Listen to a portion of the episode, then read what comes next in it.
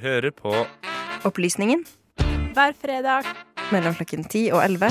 på Radio Nova. Radio Nova. Jeg har sittet de siste par dagene og sett veldig mye på YouTube, da spesifikt på TED, TED Talk-videoer av eh, professor Hans Rosling.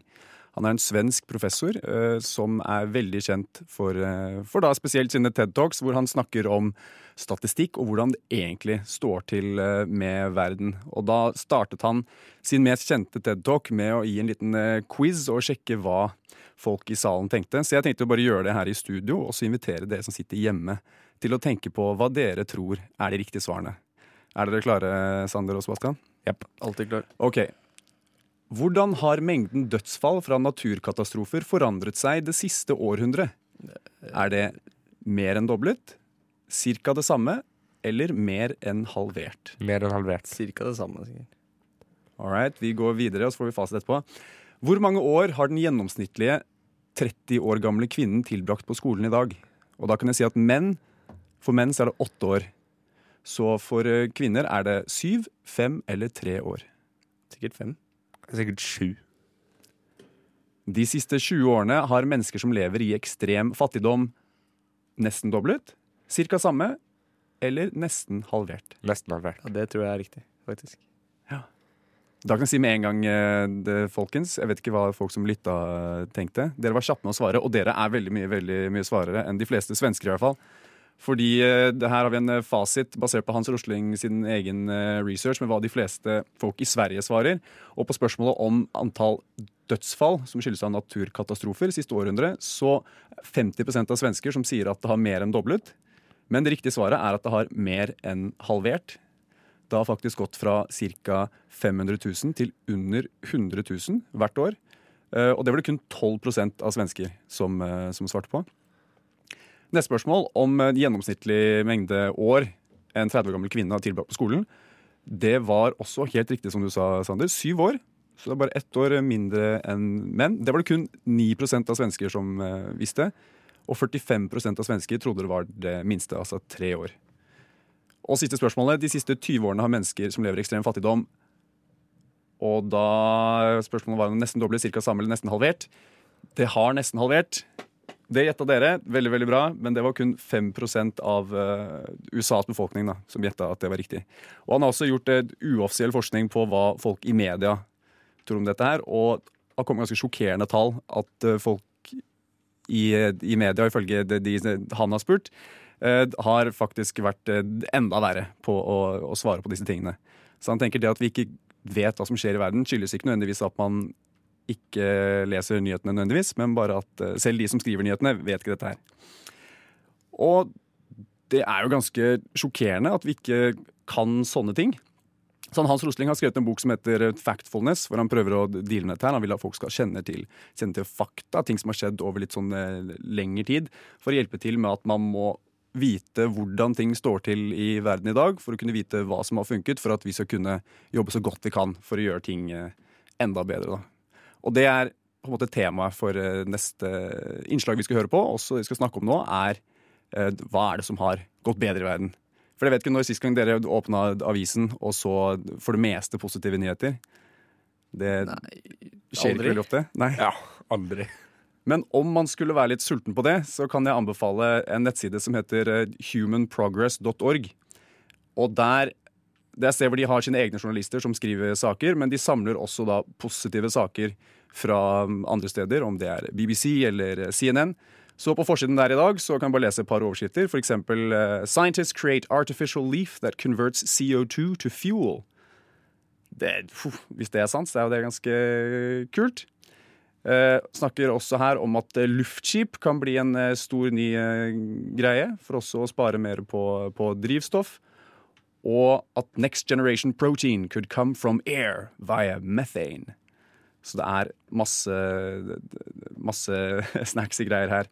Men da tok jeg også inspirasjon, var mye på Human Progress eh, her om dagen, fra en eh, liten serie de har som heter Heroes of Progress. Hvor de viser eh, da spesielle mennesker som har hjulpet til med å gjøre verden til et bedre sted. Så i neste stikk så skal vi høre en liten historie om Tre karer som har gjort mye for å gjøre det mulig for så mange milliarder mennesker i verden å for det meste kunne spise seg mette.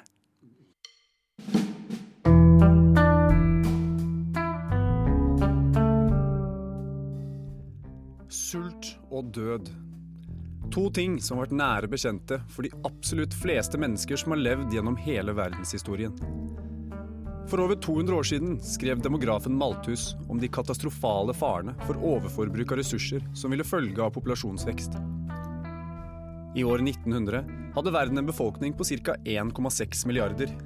I dag har den vokst til om lag 7,3 milliarder. Hadde Malthus kunne se de enorme mengdene mat vi har til disposisjon til en billig penge i lokalbutikken, ville han nok ikke kunne tro sine egne øyne. Og det er ikke kun de rikeste i verden som har fått det bedre.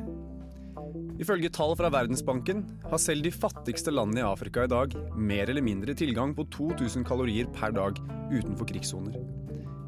Hvordan har befolkningen vokst så mye uten at vi har gått tomme for mat på jorden? Det er nok mange faktorer som har spilt en viktig rolle i den historien. Men tre sentrale karakterer er Fritz Haber, Carl Bosch og nordmann Borlaug.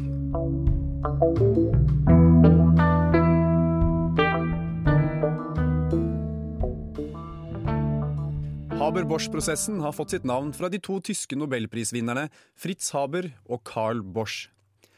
Dette er en kjemisk prosess som konverterer nitrogen fra luften og omgjør det til ammoniakk, som i sin tur kan brukes som kunstgjødsel. På 1800-tallet brukte bønder guano, eller det vil si den oppsamlede avføring fra fugler og flaggermus, som gjødsel. Men på starten av 1900-tallet begynte guanolagrene å gå tomme. Gjødselprisene steg, og det var reell fare for utbredt hungersnød i verden. Da kom Fritz Haber på scenen. Etter tusenvis av eksperimenter over nesten 15 år greide han endelig å produsere ammoniakk den 3. juli 1909. Gjennombruddet fant sted på et eh, lite laboratorium, men dette ga håp om at kommersiell produksjon var mulig. Problemet var mangelen på beholdere som kunne tåle det nødvendige trykket for å gjennomgå prosessen på stor skala. Her kommer Carl Bosch inn i bildet. Takket være hans innovasjon innen metallurgi kunne paret åpne en fabrikk i 1913, og den moderne kunstgjødselindustrien ble født. Haber-Bosch-prosessen gjorde det mulig å brødfø en befolkning som vokste fra 1,6 milliarder i 1900 til om lag 7,3 milliarder i dag. Det anslås at dersom gjennomsnittlige avlinger hadde forblitt der de var for 100 år siden, ville vi måtte brukt fire ganger større landareal til jordbruk i år 2000. En annen person som gjorde dette mulig, er mannen kjent som Den grønne revolusjons far, nordmann Vårlag. På 1970-tallet var det igjen mye bekymring om kommende global hungersnød. Stanford-biologen Paul Alec skrev innledningsvis i den meget populære boken The Population Bomb at kampen for å mate hele verden er over. I løpet av 70-tallet vil hundremillionervis av mennesker dø av sult, uansett hva slags nødtiltak vi måtte finne på nå. Heldigvis var det visse folk som fortsatte med å lete etter løsninger. Norman Borlaug var en agronom som jobbet med å øke avlingsstørrelser i Mexico i etterkrigstiden. Etter utallige forsøk greide han til slutt å avle frem en ny type hvete. Denne hveten kunne motstå parasitter, var mindre sensitiv til variasjoner i mengder dagslys, så den kunne gro i mange forskjellige typer klima, og siden den var en dvergart, så brukte den mindre energi på å gro unødvendig lang stilk. Den nye hveten ble fort introdusert over hele Mexico. I 1963, 19 år etter Bolag hadde ankommet landet, var 95% av all hvete i Mexico av Bolag sin variant, og avlingen var seks ganger så stor. Bolag bestemte seg raskt for å introdusere hveten til India og Pakistan, som ikke bare var i fare for utbredt hungersnød, men var også midt i en krig mot hverandre. Begge statene ønsket både ham og den nye hveten til slutt velkommen, og hungersnød som følge av krigen ble unngått. Innen 1974 hadde hveteavlingene i India tredoblet i størrelse, og landet ble en nettoeksportør av avlingen. I dag produserer India og Pakistan syv ganger mer hvete enn de gjorde i 1965. Og til tross for en voksende befolkning har begge landene tilgang til mer mat per innbygger i dag enn de hadde for 50 år siden. Dette er virkelig en utrolig historie, men den er langt ifra over. I dag er ca. 11 av verdens befolkning fortsatt underernærte, ifølge ourworldindata.org. Mange er også engstelige over hvilke konsekvenser forbruket til en økende befolkning har på klimaet. Og mange sier, nå som før, at vi rett og slett er for mange på kloden. Kanskje de har rett, men dersom vi ikke er villige til å innføre og håndheve lover om hvor mange barn en kvinne kan få, eller måtte anse det som problematisk at folk i fattigere deler av verden lever lenger, så er kanskje det beste vi kan gjøre å fokusere på å avle frem og støtte nyskapende individer som Fritz Haber, Carl Bosch og Normann Borlaug.